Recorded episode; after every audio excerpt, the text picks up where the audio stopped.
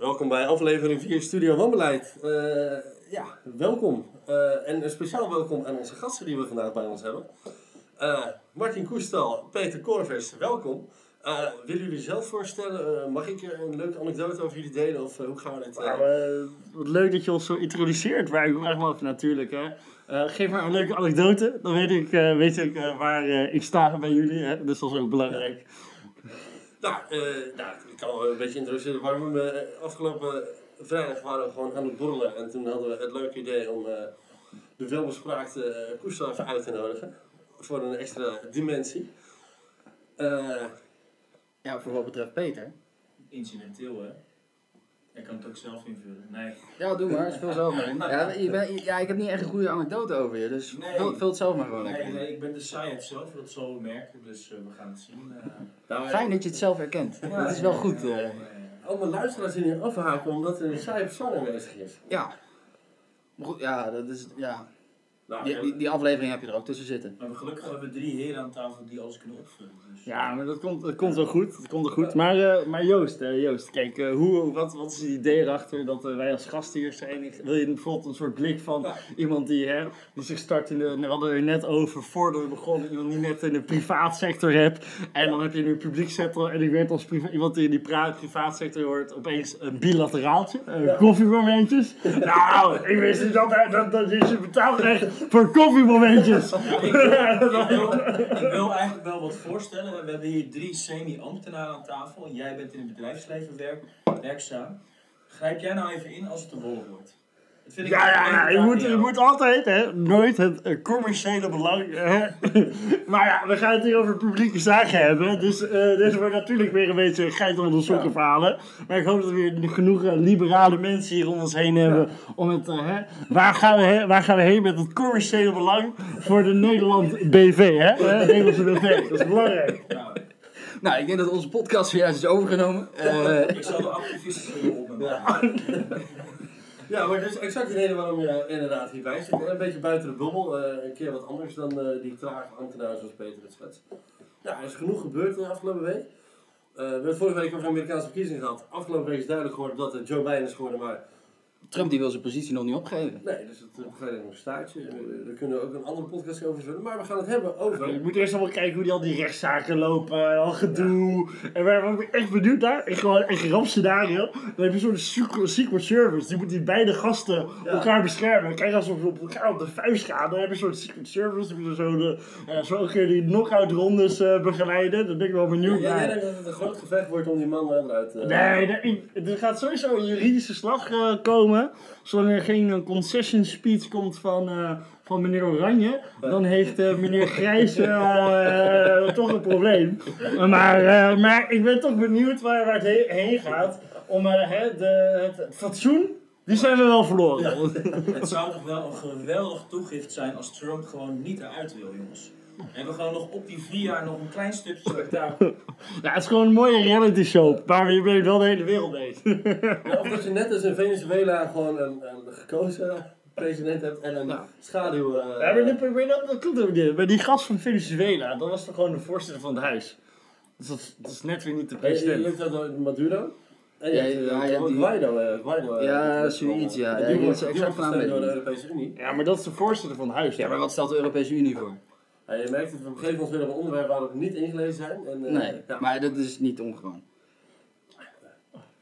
Ja, waar willen we het eigenlijk over vandaag over hebben? Ja, ja, waar, waar, we het vandaag uh, eigenlijk echt over wilden hebben was... Uh, was? Is? Is, ja. Nou ja, er zijn van de week natuurlijk dingen gebeurd. En mag ik wel spreken van de verleden tijd, denk ik. Arie Slop Joost, jij komt uit een fantastisch gereformeerd... Uh... gereformeerd. Ja, laten we even kijken van uh, wat, wat, voor, wat voor geloofshuis hebben we hier. Hebben we hier katholieken, gereformeerden? Ja, wat, voor, wat, voor, wat, wat, hebben we ons eigenlijk in ons, mis, in ons midst? Uh, wat voor verzuiling kunnen we hier vinden? Nou, ik zou zeggen, begin bij jezelf. Nou ja, ik, uh, ik uh, ben een nette katholieke jongen, uh, opgevoed. ik ook meerdere doodnamen. En ik ging ook vroeger naar christelijke jeugdkampen totdat ik 12 Ik vond het een soort survival eh, aspect wel heel leuk. Maar hij ging dan, moest je in de ochtend een bijbelverhaal, eh, oh leuk.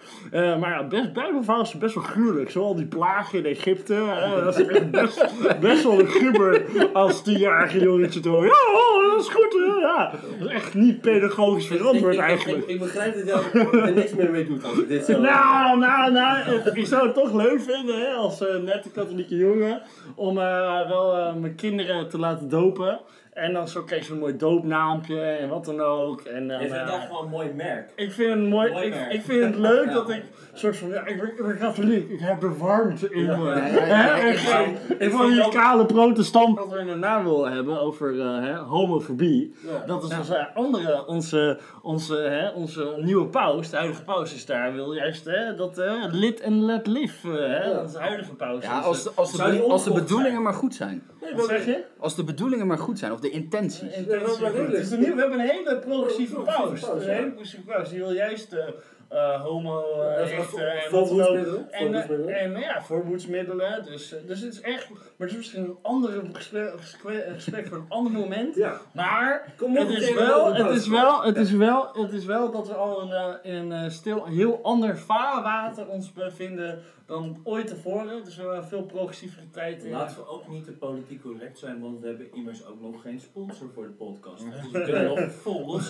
Wel, wel goed dat je alvast in de we-term praat eigenlijk. Hey, volgens mij had jij de commerciële rol en pak ik die rol. Ja, ja, wat leuk, wat leuk, wat leuk. Maar laten we eerst gewoon een, basis vinden en voordat we verder gaan.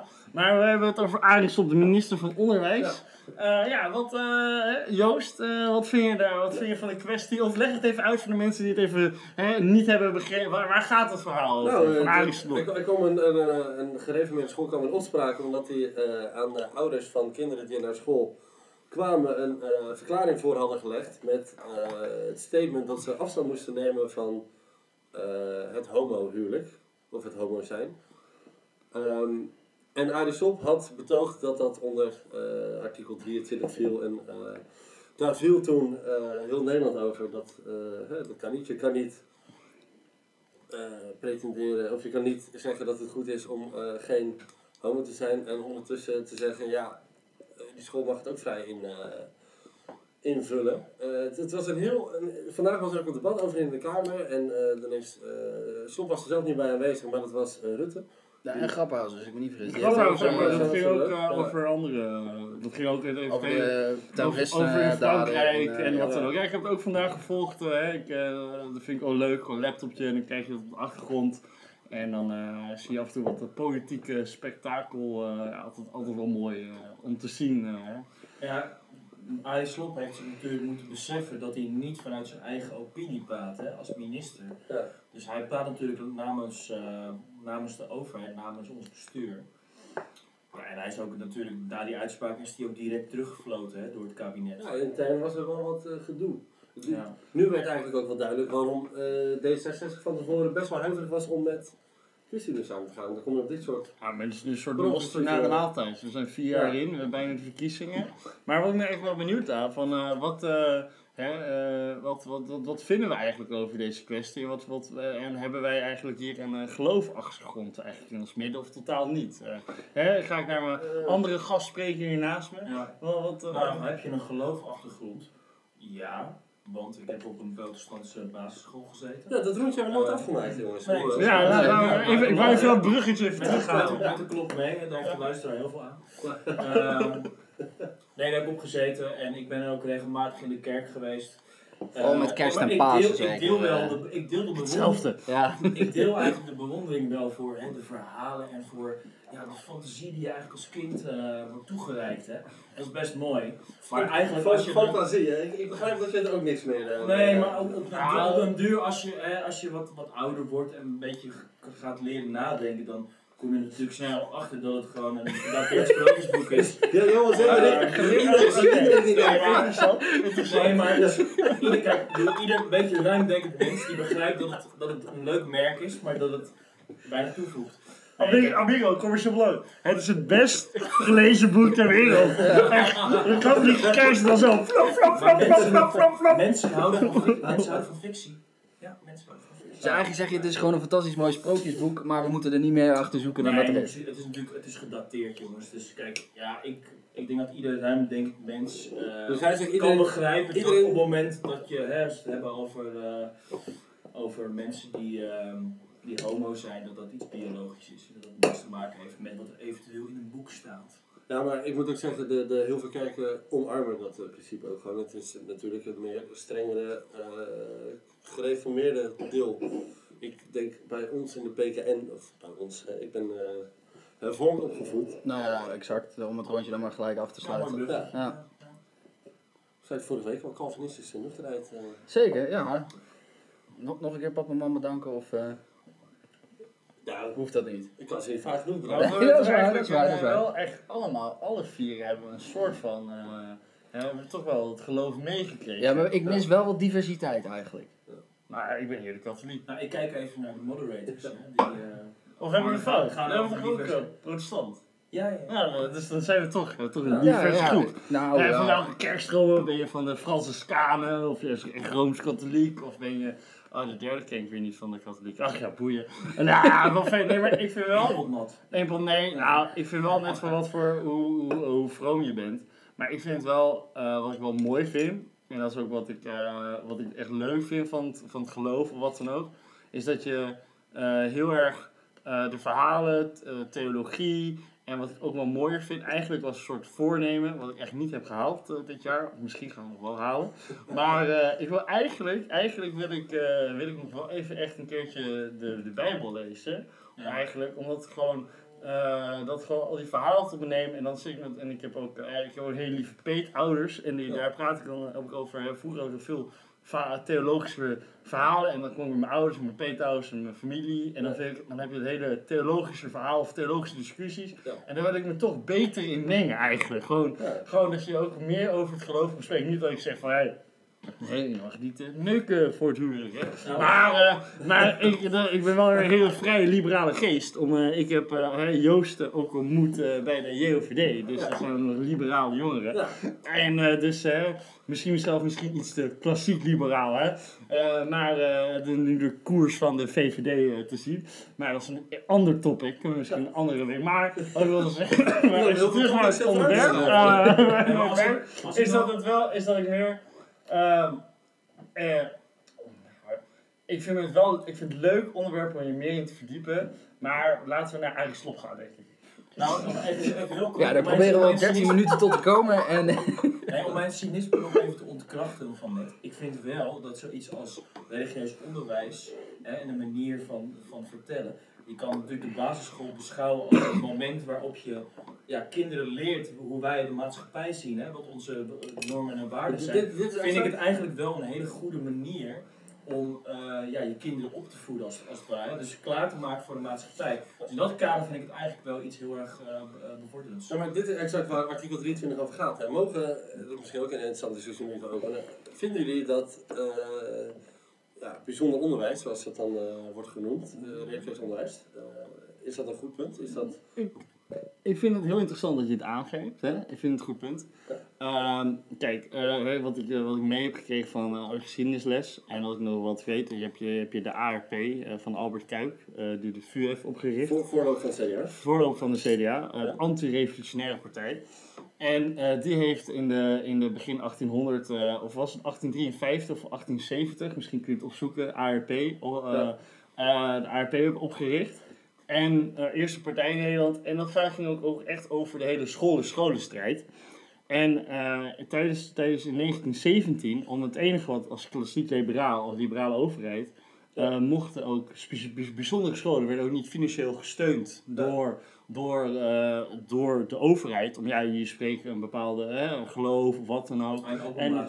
Alleen openbare scholen, die werden gesteund door de overheid. Dus ik vind het wel eigenlijk in principe in mijn principiële waarde als eh, wat meer klassiek liberaal, eh, vind ik eigenlijk niet dat zo'n school, een bijzondere, school die ondersteuning zou krijgen, Dus omdat dan, er dus niet dan een is het openbaar... bijzonder, onderwijs Ja, ja, ja, juist- ja, krijg juist. Ik zou juist dat die, dat die nu wordt, onno- on, wordt weer ontnomen. Want je hebt de hele scholenstrijd gekregen om het algemeen kiesrecht. En daar is een soort samenwerking, een scholenstrijd, eigenlijk kiesrecht, 1917. Dan heb je ook het vrouwenpassief kiesrecht. En dan ook in 1919 ook nog het vrouwenkiesrecht nu plus. Heb je het algemeen, vroeger had je nog het eh, kiesrecht van districten. Ja. Die tussen 1848 was en 1917. Ja. Dus ik vind het wel interessant. Dat is een hele, het ARP, dat hele scholenstrijd. Ja, bijzondere scholen. Maar we zijn nu na 100 jaar weer terug naar deze fenomeen. Ik vind het komt wel een bijzondere school wel in onze samenleving. Want vroeger had je een bijzondere school. Met de verzuiling was dat een veel groter, belangrijk probleem. En nu zit je op een katholiek of protestantse school. Eh, nou, het boeit eigenlijk geen ene tyfus, eh, denk ik. Wat denken jullie hierover, heren? Nou ja, ik heb altijd op een Montessori school gezeten, dus wat dat betreft Maar is het... basisschool, eh basisschool basisschool ook Montessori. Zo. Ja, Ja, Montessori kindje, hè? Ja, jij deed de dingen al vroeg eh, zelf eh, op te pakken. Zeker. Ja, dat verklaart zeker- zeker een hele hoop. Ja. Nee, ja, eh, wat moet je ervan vinden? In principe, ik denk dat, het, dat, dat, dat de grondwet daarin duidelijk is. Voor eh, zoals die nu is. Ja, de, de grondwet is aan te passen. Dus daar mag de grondwet is aan te passen. ja. Dat, dat is ook exact wat nu speelt. Er zijn genoeg partijen in, in Nederland die eh, artikel 23 willen herzien hoor. Die, want er is ook een verschil in de financiering van scholen. Als je naar de openbare scholen krijgt minder vanuit het Rijk dan christelijke scholen. Ja. Is dat eerlijk? Omdat je toevallig eh, inderdaad... Hoe komt- de- de- Ja, kijk, als het, als het, als het, als het om subsidie zou gaan, Ja, als het, komt er onze Joods-christelijke Joods christelijke tradities Ja. die we hebben hier. eh. Nou, in, helemaal niet. Eh, het gaat, gaat gewoon over hele, hele, hele, hele vasthoudende eh, conservatieven in eh, begin, de, begin de 1800. eh, die zo graag de scholenstrijd eh wouden doordrukken. En dan had je vooral, vroeger had je een enkele socialist uit Groningen, een Toelstra heette. En de De rest... schools. ja, ja, dat is een heel ander verhaal, maar heel leuk. Revolutie! Revolutie! Kijk, één verschil tussen socialisme en communisme. Dat socialisme, het wil via de democratie. En communisme gaan bam, de macht pakken. Maar dat is een ander verhaal. Ander verhaal. Ook heel leuk. Maar het komt allemaal over. Vroeger had je de conservatieven en de liberalen in, de, in het parlement. En eh, daar is er gewoon een verschil in, op die opvatting. En dat is op een bepaald moment eh, gekanteld. Ja, en dan nu krijg je, en wat ik ook grappig vind, is dat we eh, op bepaalde vlakken, eh, vlakken is het juist, eh, als je kijkt van de tijd van Napoleon tot de tijd van de eind acht, eh, 1900, tegen acht- eh, 1800, zijn dat we juist in die periodes juist een veel grotere, veel meer grotere aanhang qua geloven gehad, een opbloei van het katholicisme in Nederland en veel, veel grotere bloei van het geloof eigenlijk hebben gehad. Dus dat is ook wel raar. Maar het is ook hetzelfde beeld van Amerika, ook van die founding fathers daar. Waren die, die ook minder gelovig dan eh, veel latere evangelische groepen. Dus dat is weer een heel andere discussie, maar het is ook wel heel leuk. Ook nog, ja. schuiven we ook wel vooruit. Ja, eh. maar dus, als, je, als dat je naar, naar kijkt van de tijdsgeest, is het ook gekomen dat je een, een veel grotere verzeilde samenleving had. Waar het ook, veel, eh, waar het ook een veel belangrijk, het geloof een veel belangrijke rol in de samenleving had. Juist. Maar waar we, we zijn natuurlijk door uh, Thorbecke hebben we eigenlijk een hele liberale stroming gehad. Maar dat hebben we toch een enorme, door eh, André Kuip, toch een enorme conservatieve mm, soeper ingekregen. Ja, Abraham Kuiper. André Kuiper is die... eh, Abraham Kuip. Ja. Wie is André Kuip? Maar goed, Ja, je hebt nu, mooie kale man die graag in de ruimte verkeert. Oh ja, die hebben we zo. Ja, leuk. maar goed, je hebt nu heel veel verteld over hoe het was. Maar in de tijdsgeest van nu, hoe zou je het, zo dan, hoe zou je het nu dan willen plaatsen? Nou, eigenlijk, kijk, we moeten, eh, nou, ik ga, we gaan misschien eens eh, eh, niet met de tijd zeggen, maar misschien leuk. Kijk, we zijn, we zijn eh, in 2001 hebben we het eerst homorecht en hoe heet het, en we zijn al echt enorm ver. Als Nederland echt heel ver, heel erg in de toekomst. Maar dit gaat wel, het is een proces. Hè? Je hebt nog steeds dat mensen hier weer weerstand. We zijn al heel open in alle vormen van, eh, hè? de een houdt van vis, de een houdt van worst. Allemaal leuk. Eh, dat maakt allemaal niet zoveel uit tegenwoordig meer. En eh, je, kan ermee, je, kan met iedereen, je kan met iedereen trouwen die 18 plus is. Dus het is echt super, super mooi. Eh, ja, dus, dus, dus ik vind echt, ik vind de discussie is ook steeds minder heftig. Maar ik dan, dan dan, eh, J- ik zag vandaag Jette, Jette in die politieke debatten. Oh, die was zo even vurig. Maar die was, die probeerde maar Jette even- kan, het, Jette kan het Dus- zo mooi op zichzelf Zelf- oh, mooi, projecteren. is wel- Dat is altijd... eh, die, maar die, kijk, weet die gast, die gast wat ik wel mooi vind, eh, van de D66. Normaal zie je die zo vurig en dat is natuurlijk, dit, dit, dit, dit richt natuurlijk meteen ho, ho. Dus die staat dus wel heel sterk daar, zo voor de spreekgestoelte. En dat vond ik wel leuk, dat vond ik wel Niet, niet overdrijven. Maar ik zie je op, je hebt er niet nou, maar ik vind het wel goed. Hij, hij liep vanmiddag bijna een beetje rood aan. Ja, Dus, wel, eh, ik vond echt, ik vond vandaag de politieke debat een beetje weer terug. Maar ik, dan, ik vond echt, ik heb Jette niet zo vurig gezien van, lekker, het is krachtig de D66. Er zit krachtig, er zit pit in. Dat vond ik, dat vond ik wel leuk. Ehm, ja, maar wat ik persoonlijk er wel van vind is dat het heeft tijd nodig. Jongens, over 100 jaar boeit het geen ene teams meer. We zijn het meest progressieve land in homorechten. En hè, eh, vervelend, vervelend natuurlijk. En ik wil niemand wel op zijn voetje staan. Maar, eh, maar eh, het komt wel. En straks, eh, straks eh, boeit het allemaal niet meer. En eh, ik heb het liefst, eh, zoals klassiek liberaal, eh, eh, dat we alleen maar openbare scholen hebben. Maar, eh, maar hè, als iemand een bijzondere school wil hebben met eigen geld, of nou nu met, met overheidsgeld, ook goed. En eh, laten we daar het beste van maken. En je hebt gewoon de vrijheid van artikel 23. Dus eh, als je daar wil aanpassingen, nou, hè, verander de grondwet, hè, twee derde stemming, en dan heb je het. Niet zo moeilijk doen, jongens. Ja, Eerste Is het nou twee? Nee, het is twee derde, twee derde. Twee, alleen twee derde. Nee, en de eerste, Eenmaal. en, en de Eerste Kamer. Ja, en de Eerste Nee, Kamer nee, natuurlijk. Nee, tweede en eerste, maar moet dat niet twee keer, die twee derde. Nee, Ja, Nee, jawel, maar twee derde. jawel, heb je gelijk. Het moet, het moet, het moet Dat twee... dat denk ik. Het moet... twee Nee, derde. het moet sowieso nog een keer getoetst worden natuurlijk door de Raad van State. Nee, maar dat is, Ja, ja, ja. dat is een Ja, advies, maar- dat is een advies Ja, maar ik dacht dus dat dat Daarin wordt het natuurlijk wel getoetst. Dus dat is twee keer, dacht ik. Maar Eh, ik zit natuurlijk niet in gelijk. het publiek twee eh, dus ik vertel... eh, kabinetsperiodes. twee kabinetsperiodes, Ja. oké. Is dat dan het, kan dat dan als nog in één cyclus? Nou, voor mij is Vaak niet. Is een regering die het voorstelt, dan gaat het door de Eerste Kamer. En dan voor mij moet het dan weer Nog een keer, ja. Het moet nog een keer door de Tweede Voor een Kamer. grondwet moet je best wel... Jongens, een kijkersvraag, kijkersvraag. Ja. Als iemand dit weet, Het is eigenlijk wel belachelijk dat we dit niet zo weten. Dit is bestuurskunde jaar 1. Ja, maar hè, ik doe dus geen bestuurskunde, hè? Dus ik ga ook weer mooi onderuit halen. Nee. Ja, maar dat is natuurlijk, moet ik dat wel weten als, eh, als burger, de algemene kennis. Maar eh, ik heb een hele mooie loog gehouden. Maar wat vinden de andere heren hier aan tafel van? eh, Nou, je hebt inderdaad een monoloog gehouden. Interessant. Ja. Heel interessant, interessant, hè? Ja. goed verhaal, ook lekker kort. Man. Nou, vo- vooral heel veel gepraat, weinig gezegd. Ja, ja, Wel, ja. eh, Maar in deze invloed, hè? Wij zijn onze. Ja, maar het is- wij doen. Ja, ik heb zouden allemaal invloed, invloed van, de, van hè, de publieke sector, dus ik ga er gewoon helemaal los. Je praat heel veel, maar je zegt heel weinig. Ja, ik heb geleerd van de mensen binnen de rasambtenaren. Ja, misschien moet ik toch een switch maken. Ja, la- laten we lekker doorgaan naar eh, D66. We hebben het over progressief, laten we dat eh, bruggetje gewoon even maken. Ja, Gisteren, de Dan kijken we Maurits even aan. Nou, ho- hoezo? Hoezo? Maurits heeft zich... eh, Openbaar on- Nou, heb jij ingelezen of ingekeken? ik heb ik, vooral ingekeken. eerlijk zijn, ja. Ik, ze- ik zag twee namen staan waarvan ik dacht van, nou ja. Ja, introduceer het onderwerp even. Voor Ja, de- nou, eh, gisteren is eh, een eh, conceptversie, geloof ik, eh, van eh, D66 eh, verkiezingslijst uitgekomen. En op één staat eh, natuurlijk eh, Sigrid Kaag. Eh, wie had dat gedacht? Eh, twee, Rob Jetten. Dat, ja, oké, De running Maar- mate. de running mate, Een maar- overgewaaid begrip uit Amerika. Ja. zeker. En op drie, ja, dat was eigenlijk wel een verrassing. En niet alleen voor mij, wel een leuke verrassing eigenlijk. Nou, bouw spanning op. hè? Ja. Ja, ja, ik, ik weet het niet nou. fractievoorzitter van de gemeente, eh, althans in Den Haag, D66-lijst, Hanneke van der Werf. Ook wel, ook wel, ook wel de rechtsbuiten van D66 genoemd, omdat ze juist een beetje wegblijft bij de eh, standaard onderwerpen, zoals eh, nou, gendergelijkheid, et cetera, et cetera. En ze richt zich juist meer op eh, veiligheid in eh, ja. Den Haag bijvoorbeeld, maar vooral ook gewoon grootstedelijk gebied. Ja, om het weer een beetje naar rechts te helpen. Ja, eigenlijk wel, ja. ja. thema's. Maar weet je wat ik me nu een beetje mee krijg? Als ik kijk, zo meteen krijgt deze dame, is gaat echt een geweldige politieke carrière krijgen.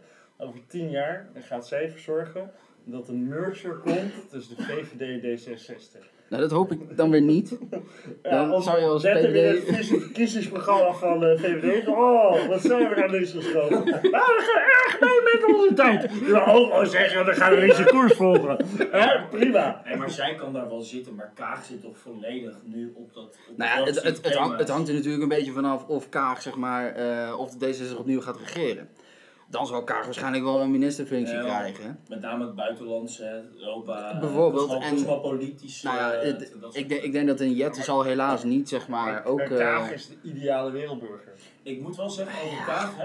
Want no- zij, gooi er nog een term in die eh, om te kotsen is. Cosmopoliet. Ja. Cosmopoliet. Ja, oh, cosmopoliet. Goed pizza. Oh, dan heb je nog een leuke terminologie erachter. toen zij verkozen werd, toen zij verkozen werd in het begin, vond ik haar heel erg elitair overkomen. Maar ik, nou, Ze is nog steeds dat, heel dat is elitair. nog steeds haar profiel wel, maar Ja. ik zag haar laatst bij WNL zitten. En dacht ik wel van, misschien dat een communicatiemedewerker tegen haar gezegd heeft om iets meer menselijker volks Zou- over maar zou- zou- dat zou zou dat- ze nooit worden, maar ik heb wel het idee dat Ja, ze een klein, een klein beetje eh soepeler wordt. Enorm politiek correct. Als je ziet, Nee, dat, dat je, is ook je hebt, als je, je kan er, je hebt, eh, ik heb ook gekeken naar World, World Forum en dan zit ze ook in, eh als het laatst een sprekers eh, ding. Eh, ja, ik kan niet weten zeggen precies welke het is, maar dan is ze, ze is echt zo'n nette, correcte dame op, diplomatiek. eh, op diplomatiek. Echt, nou ja, het is echt- dossier, dat ze echt, echt, er is echt, je ziet in haar woordspraak geen vuiltje. Het is echt helemaal, helemaal geveild. Echt Ja, heel veel geboend. Echt, echt, Hoeveel eh, zetels gaat ze pakken? Hoeveel hebben ze er nu? nou, echt, ze staan slecht in de peilingen. Het gaat Eh, Ja, ze doen iets van, eh, 18, 18 of zo. 19. Maar ze, wat zijn ze in de peiling 10 of zo? Ik volg geen Maurice de Hond, dat zou jij moeten weten. Nee, ja, ja, Ja, we kunnen het wel bijpakken. hè. Joost, pak het er even bij. Hoe staan ze? Hoe staan we tegenwoordig? jij zei net over dat Sigrid Kagen meer een menselijk karakter eh, lijkt te hebben, maar zou dat niet gewoon lekker met Nou, verkiezingstijd eh, zijn? Nou, laat ik het niet overdrijven, maar ik, ik had het 13. gevoel dat het iets beter werd. D66 Iets minder uit de hoogte. Laten we even zien, man. 13 zetels. Nou, Dertien waar, staan we? waar staat de wereld? Wa- Waar, waar waren we en waar staat de wereld? Wat, wat, ze- wat zegt vandaag op 1? Nou, vandaag op 1, het is nu vandaag 12 eh, november. 13. eh, eh, 12 november Dit is de 2000. laatste van eh, 27 oktober. denk ik. Dat, oh, eh, 27 oktober. Nou, eh, Dat is wel Nou, gedateerd. twee, Maar men heeft ook gezegd dat, even, dat zij eventueel, omdat zij als vrouw, als lijsttrekker staat, eventueel wat kan wegpikken bij GroenLinks en Partij van de Arbeid. Laten we dat hopen. Dat toch progressieve ik, denken ik, denk, ik denk we dat wel een vrouw... eh, moeten het nog uitmaken? Zijn we daar niet voorbij? Hè? We mogen gewoon een keertje op karakter en op gewoon kwaliteiten. Het is een vrouw, het is een homo. Nee, gewoon, ik maak me niet uit wat je geaardheid is. Maakt me niet uit of het een man of vrouw is. Als jij kan presteren in het leven, presteer je. Klaar, boeien. Maar- waarom moet het elke keer weer, waarom moet je nou het eindeloze gezeik hebben van eh, het is een vrouw, eh, het is een man, eh, hij, hij, hij- hij zit op de regenboog of eh, hij heeft, eh, hij heeft Ik- meer ik- pigment. Ik denk ben er zo klaar man. Dat- ik wil alleen maar, ik wil alleen maar kwaliteit. Jongen, jongen, jongen. sluit ik me volledig bij aan. dat is waarom wij dit zijn van de VVD en niet van D66, denk ik. Eens, eens, maar, maar dan gaan we wel naar het progressieve hoeken. Zo tegen zeggen gewoon D66 lijkt. Maar hebben we er dan nog iets aan? Zijn we verdoemd? Nou, maar aan de andere kant, het is wel een pauwvrouw. Ze heeft inderdaad aardige post in het buitenland gehad. Spreekt vloeiend eh, Zes talen, zes, zeven talen. Goede bestuurder, maar geen politicus. Nou ja, definieer politicus. Goeie, goeie, nee, goede Nou, Ja, dat vind, dat vind ik. hoe- Kijk, bijvoorbeeld een Hoekstra, dat is een Een bestuurder. bestuurder, niet een politicus. Ja, mooi, mooi, mooie vent. Ja, ik vind, dat, ik vind het gewoon leuk. Ja, zo, zo. Het is zo dat is met, K, met KLM heeft gedaan. Sorry, ik ga weer buiten. Echt heerlijk. Ik ga wat aandelen kopen. Even de Franse boos maken. Ja, Maar geweldig, Vind jij- geweldig. Vind jij Hoekstra ook een wereldburger? Nee, nee, het is veel meer gecentraliseerd. Veel meer, iets, iets meer nationalistisch. Maar daarom zit die begrip Nico ook bij de CDA. En niet bij de Wereldpartij, de D66. Het is juist een goede mix eigenlijk. Als je die, dus twee, die twee tegen elkaar af zou zetten. je had CDA gestemd als die lijsttrekker had geworden, Nou, nou ik, ik vind het wel een mooie amigo. Ja, ik, ik zou, ik zou, ik, ik, ik, ik, denk, ik denk wel dat ik zeg van, hè, dan, dan, dan, dan ben ik wel misschien, dan ben ik misschien wel weg van de VVD en dan ben ik wel echt op de CDA. Gewoon, maar dan gewoon, dan, dan, stem ik ook gewoon op mooie mensen. Gewoon mooie amigo's, mooie gewoon, gewoon een beetje waar staan. Kijk, ik vond het gewoon, dat hele, eh, ook nu met die onderhandelingen weer met de KLM, met die piloten en wat dan ook. Gewoon, ja, gewoon even dat duimpje erop. Gewoon eh, even een onderhandeling met de vakbond. Ja, dat doe ik wel even. Hè? Ik, vind het, ik vind het gewoon een mooie bestuur. Hoe kijk je dan aan tegen het ruzie maken met Italië? Heerlijk. Ja? Heerlijk. het- Je moet toch het een beetje je belangen. Je moet toch een beetje voor je belangen. De Eurobonds eh, duel. Ja, ja, Was, was dat echt ruzie maken of was dat meer gewoon... Nou, dat was toch wel behoorlijk verwijtend. eh, Ja, maar d- dat verwijt kwam onder andere uiteindelijk vanuit Italië richting Nederland. Omdat wij, althans Bob Hoekstra gezegd zou hebben van... Ja. Jongens, zorg ervoor dat jullie Nee, financiën op orde zijn. voor, Maar dat is toch- strikter, Maar ik voel me af in diplomatieke zin of dat... eh, Ja, maar weet je-. Ja, maar af en toe moet je gewoon geconfronteerd worden met je eigen fouten. Maar we- kijk, Ja, ja, aan de andere kant, ik begreep de opstelling wel, want als je eerlijk bent, waar de vluchtelingencrisis hebben wij eh, Italië lekker aan hun lot overgelaten en eh, daar eigenlijk niet heel veel, we zijn ook niet bereid geweest. maar weet je wat het hele probleem Dus is? ze waren al sceptisch tegenover ons en dan vervolgens laten even kijk, het probleem is, we staan voor buitenlands beleid als Europese Unie gewoon niet daadkrachtig. Dan kan je echt heel veel dingen meepakken van het vluchtelingenbeleid tij- tijdens wat we in Syrië doen. We zijn als Europese Unie gewoon niet daadkrachtig op echt, groot, echt mooie grote thema's. Dan moeten we elke keer onze vriendje Amerika, eh, huilie huilie, help ons. Maar we kunnen niet onze eigen ach- achterdeur of eigen. eh, We kunnen ons Onze niet eigen onze achtertuin. eigen, eigen tuin een beetje. Nee, als het in Oekraïne gebeurt, moeten we weer eh, moeten we Amerika. Gebeurt er iets in China? Amerika, hè? toen de, eh, Trump de troepen daar terug, terug, terug, terug, ja, weghaalde uit, uit, uit het Koerdisch gebied en als zo'n soort grensbewaker. Ze zijn we ongeveer een anderhalf jaar lang heeft Amerika gelobbyd. Frankrijk, wil je alsjeblieft troepen sturen? Italië, wil je alsjeblieft troepen sturen? Nederland, wil je alsjeblieft troepen sturen? Ja, kijk, hebben klein, klein nuance, klein nuance. Vanuit Nederland, welke troepen? Ja, we hebben er weinig. Maar laten we dan zo trainingsmissie gooien. Hè? Kijk, we hebben hier een eh, oud militair in ons midst. Maar eh, eh, ja, hè, tenminste een beetje, een beetje daadkracht, daadkracht van, gewoon van, van Europa. Dan hadden we tenminste een statement kunnen geven. En ik vind, het, ik vind dat we gewoon een beetje echt, echt, echt slap zijn in Europees buitenlands politiek. We zijn echt alleen maar om, aan het eh, contamination en een beetje van dempen het probleem, maar we willen niet eh, te sterk overkomen. En ik vind dat wel erg jammer. Ik- ja, dus ik vind het ook jammer dat we ons daardoor ons ook onze eigen problemen en dat we dan onze vriend Amerika eh, moeten kijken. Ja, maar die zit ook in een, een eigen interne politiek. een- Jij pleit voor een stevige eh, Europese Unie. Nou ja, Steven, kijk, ik heb twee dingen. Twee dingen. Daadkracht. Twee dingen. Daadkrachtige Unie op Ja. buitenlands beleid en handel. Ja. Maar intern, intern over bijvoorbeeld een euro. Over bijvoorbeeld hoe eh, dat zulke Europese, eh, zulke Europese. Dus ik vind wel voor het buiten, buitenlands beleid of buiten het Europese moeten we een sterk een vuist geven. Een sterke, sterke vuist aan China geven. Bijvoorbeeld om China die wil gewoon de wereldmacht worden. Dat eh, over eh, Amerika heen gaat schuiven. Het enige waarom. Ja, dat is toch in principe al gebeurd. Nou, nou, het enige wat het Westen heeft zijn instanties. De instanties liggen in het Westen. Eh, je, hebt een paar, eh, je hebt een paar goede boeken die het echt heel goed beschreven. Nou, één mooie is, eh eh, is eh, eh, Eastern, Eastern Station. Eh, dat is eigenlijk alle, alle content dat er is van... advertentieinkomsten voor? Voor het verkopen van het Nee, nee, eh, ik, eh, ja, ik heb een minor, ja, ik heb een Ik- minor ik- business in Azië gedaan, Altijd mee. En dan moest ik wat boekjes lezen en dat was, een- dat was een enorm, dat kwam het heel probleem van het pivot to Asia in de Obama-administratie. Was zo van, nou ja, het Midden-Oosten is leuk, maar dat levert gewoon geen geld op, commercieel belang.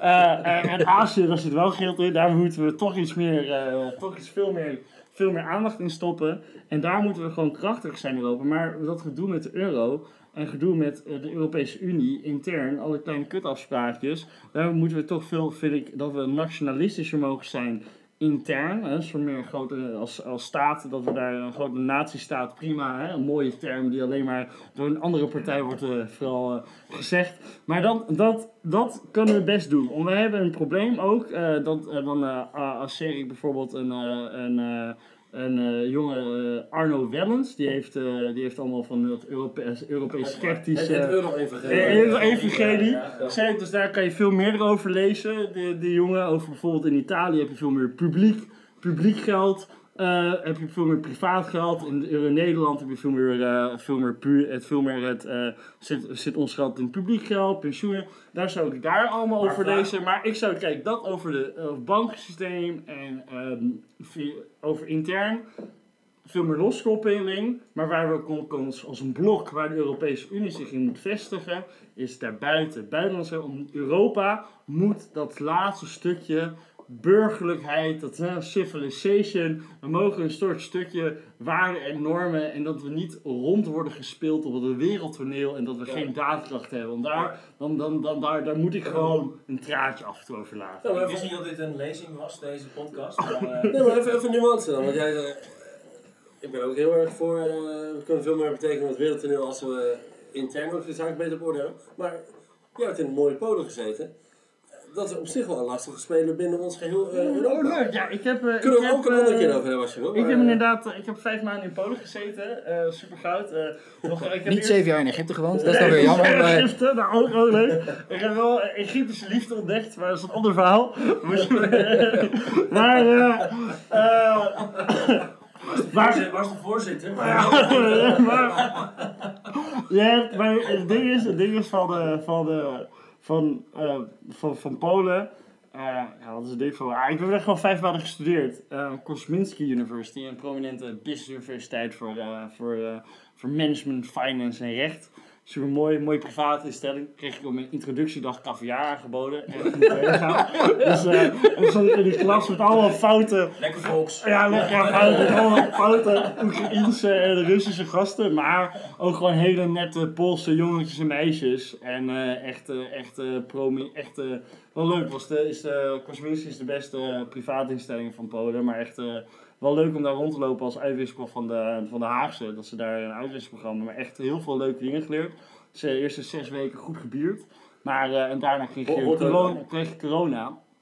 En uh, dat wat ik wel mooi vond, dat jij gewoon een maand martial law. Geen gezeik, geen getyfus, ja. geen rare regels. Gewoon een maandje binnen blijven, maandje mondkapje voor straat. En van 18 mei, kroegen, clubs, alles was er over. Even hard. Ik heb gewoon weer, ik heb twee maanden nog volledig gesopen daar. En alles wat, uh, alles wat onze lieve heer, uh, nou, gewoon, ook gewoon heeft ge gemaakt. Gemaakt, gemaakt tot deze, al, de, al het genot wat er maar is, uh, kunnen beleven. En dat vond ik echt super leuk.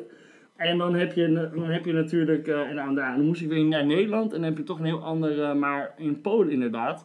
En Polen heeft een raar, oh ja, waar waren we met de Europese Unie? Ja. Uh, ik vind, het lijkt toch leuk Maar wat ik leuk vind is dat, de, dat de Poolse mensen zijn heel traditioneel, traditioneel op bepaalde vlakken, ja. maar ze zijn het meest pro-Europees. Ze zijn een hele aparte functie, ze zijn heel erg van eigen, eigen cultuur of eigen dingen of eigen, uh, eigen ideologie. Maar uh, ook een heel net katholiek land. Heel veel kerkjes. Is dat objectief gezien ook te rechtvaardigen? heeft Polen ook heel veel aan de EU.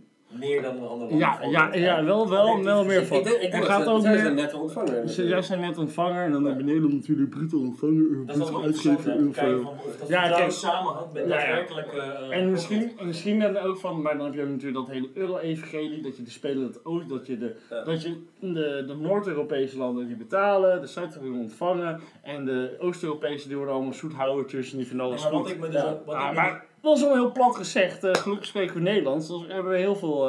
Nee, ik vroeg me dus ook af, is het ook niet misschien zo dat door die monetaire ellende, het lijkt ons, en zeker als we het over dat boek hebben van Arnold Hellens, en er zijn natuurlijk veel meer mensen die dat roepen, die mo- monetaire verwevenheid, die creëert natuurlijk heel veel spanningen en heel veel mislukkingen. Dus het EU-project wordt daardoor heel erg, krijgt een heel erg slecht imago. Zou dat ook niet juist het probleem kunnen zijn van het feit dat we ons niet kunnen verenigen op de grensoverschrijdende belangrijke problemen? Want ik deel, ik deel de, eh, de opvatting dat vanuit de internationale context dat het natuurlijk waanzinnig belangrijk is dat wij als Westen weer op een eh, goede manier gaan samenwerken. Jij denkt dat misschien, een beter, misschien een betere manier, maar het zou misschien zo kunnen zijn dat juist Ja. de monetaire verwevenheid en alle mislukking die daaruit voortkomt, maakt dat dat heel erg lastig is. Het is natuurlijk ook heeft ook met vertrouwen te maken. Dus jij denkt dat de euro een bakermat is voor problemen die we nu onder... Maar het is natuurlijk een belangrijk, belangrijke factor. Het nou zes jaar al een groot probleem geweest. 2002 eh, hebben we de euro gekregen. In 2008 kreeg je onze goede vriend Dijsselbloem. Nou, echt wel ook een mooie bestuurder. Maar het- hè? Maar, het een goede mooie PvdA. Ik denk wij, ik vind het leuk. Ik vind het zeg maar, wij hebben goede PvdA-gasten die met geld kunnen omgaan. Echt goud. Ja, echt. Nee, maar Mooi maar het is natuurlijk, uiteindelijk is dat ooit een keer geïnitieerd, die hele verwevenheid, een monetaire verwevenheid, om, eh, om juist eh, een betere relatie aan te gaan met elkaar als landen. Maar ik bedoel, het is natuurlijk juist het tegendeels Voor-. Vooral interne markt. Ja, Ja, nou ja, vooral interne markt. maar wat ik, ik ben natuurlijk... Maar wat waren de motieven voor de mo- monetaire unie, voor de euro? Nou, het- het is- als je- Lijkt mij op dat Nou ja, het was een sterk handelselement tegenover, ten opzichte van een dollar en eh, wat, wat gebruiken ze in China? Ja, De- dus de- de- yen de nog steeds? Sterke speler. Dat, is- het klinkt Japans, die yen. Ja, ik ben daar te ambtenaar voor, denk ik, eh, om te weten wat, eh, wat men in China gebruikt eh, als valuta. Maar dat, dat was, dacht ik, eh, de renminbi. Ja. Dat- Nee, de yuan. De R&B. Eh, Ja, Chinese yuan. Yuan, ja. Ja, maar ik denk dat dat was naar mijn idee de voornaamste reden waarom er een euro moest komen. Ja. En, ik, ook, Om je vraag te en, ook, beantwoorden. en ook op het pleidooi van, eh van Martin net. eh, als geheel met een eigen valuta, of eigen munt, ben je als Europese Unie ook sterker in de markt. Ehm, maar we hebben, we hebben gewoon andere economieën. Wat, wat, eh, wat, kijk, een Italia, Italiaanse is een maakeconomie, heeft een hogere inflatie. Eh, die mensen hebben ook veel meer hun spaargeld in eh, staatsobligaties gezet dan wij. Die hebben ook een veel hoger rentepercentage. Wat wij hebben, veel aan de markt, bijvoorbeeld als Duitsland, Nederland, hebben veel, niet- veel, veel, veel constantere en veel lagere inflatie. Je hebt een hele andere, hele andere economie, een hele andere... Ik vind, ik vind En dat... niet afrekenbare eisen. Dat is het probleem. Dus je wil Vertel, verenigen. vertel. Mij, dit is interessant voor de luisteraars. Hoe bedoel je met afrekenbaar reis? Dus dit is een Nou ja, volgens mij, en ik weet het is niet mijn vakgebied, maar volgens mij is het zo dat de euro die behoeft dat alle landen op een bepaalde manier zich houden aan de regeltjes. Je- je- En als dat dus niet gebeurt, En dan krijg je dus een boete. En dan krijg je problemen in je solidariteit. Dus op het moment dat je die regels hebt, of die afspraken, of die eisen, en je kunt ze niet handhaven van elkaar, dan kom je in de problemen. Ja, kijk, mij is officieel, dat het hele probleem, dat of- bedoel ik er eigenlijk mee. officieel zou je een sanctie krijgen. Alleen zo'n sanctie werkt natuurlijk. Maar dat is Totaal formeel, de je- verkeerde je, je, hand- hebt formeel kant in de praktijk. De praktijk bewijst dat we uiteindelijk ja, de, de, de, de zwaarste schouders eh eh, lasten dragen. Zou je niet iets moeten doen van, hey, mijn geldbuurters, eh dat werkt eigenlijk ook niet. Zou je gewoon niet moeten zeggen, je hebt gewoon een paar waarschuwingen en dan nemen we je de euro af. We je bepaalde Nou ja, zijn subsidies of wat dan ook af. op zijn minst dat je, dat je zegt van, om, ja, heel velen, maar dan straf je het land op, eh, op, eh, op geldelijke termen. Je moet straf- straffen op het land, dan zou ik zeggen, ik hou ook helemaal niet van straf geven, behalve in een andere context. Eh, dat je, dat je, dat je, ja, maar, Ja, maar je kan niet zo met de euro afpakken, dat kan niet. Dan stort het hele, hele land in elkaar. Nee, Ja, maar als je, je bent- afhankelijk van elkaar. Dus je kunt zeggen, we gaan sanctioneren. Wat Ja. ook dan weer invloed heeft. We weten allemaal dat het toch niet gaat gebeuren, want je bent te afhankelijk van Ja, oké, dat is misschien fantasie, het is te makkelijk gezegd. eh zoveel mensen gelijk aan munt. En Joost, daar ben je helemaal gelijk in, hè? Je Ja. hebt echt je hebt goed teruggevlogen. Dat was echt een waanbeeld. Dat was een waanbeeld. Ja. Dat was een waanbeeld. Ja, beide voeten kan je? Misschien kunnen jullie Arno Welles wel even Ja, de Arno keer. even Arno. Ik zag dat die laatste in mijn podcast zat. Misschien dat hij wel geïnteresseerd. Ja, ja. Maar dan moeten de cijfers denk ik wel iets hoger. Ja, Ja, dat- verwacht ik. Ja, en dan moeten we een goede sponsor hebben. Ik denk het ook wel, ja. Ja. Maar jij zit in de commerciële wereld, dus kun jij niet even wat regelen? Ja, weet je, ik ga over, Ja, ik ga het over Bristol. Ja. Re- regelen Shell al sponsor. Ja, dus, eh, Anders plannen we even een bierlaatje in en dan... eh, een koffietje drinken, ja prima. Zoek gewoon met je pilsen. Daar, daar, gewoon een biertje, biertje happen. Gewoon na dat, eh na kantoor. Ja, prima. Pils. Juist, ik denk dat het een mooi moment is om eh, bij deze te houden en eh, lekker af te sluiten. Nou, ik, ik, vandaag. wil, ik, ik zat wel te denken, we begonnen over de kieslijst van D66. En we komen uiteindelijk hebben we de hele Europese Unie lopen afgehouden. Dus het was een mooi constant verhaal. Ja, zeker. Ja, waar is de rode draad eigenlijk, Joost? Vertel. Uh, dat is eh, de kijksvraag. Heb jij de rode draad kunnen ontdekken? Stuur het in en eh, we doen er niks mee. Ja. juist. Ja, dat is er voor interactie, hè? Mooi, Eh, jongens. nou, bedankt voor het luisteren en eh, Tot volgende week. tot volgende week. Fijn weekend.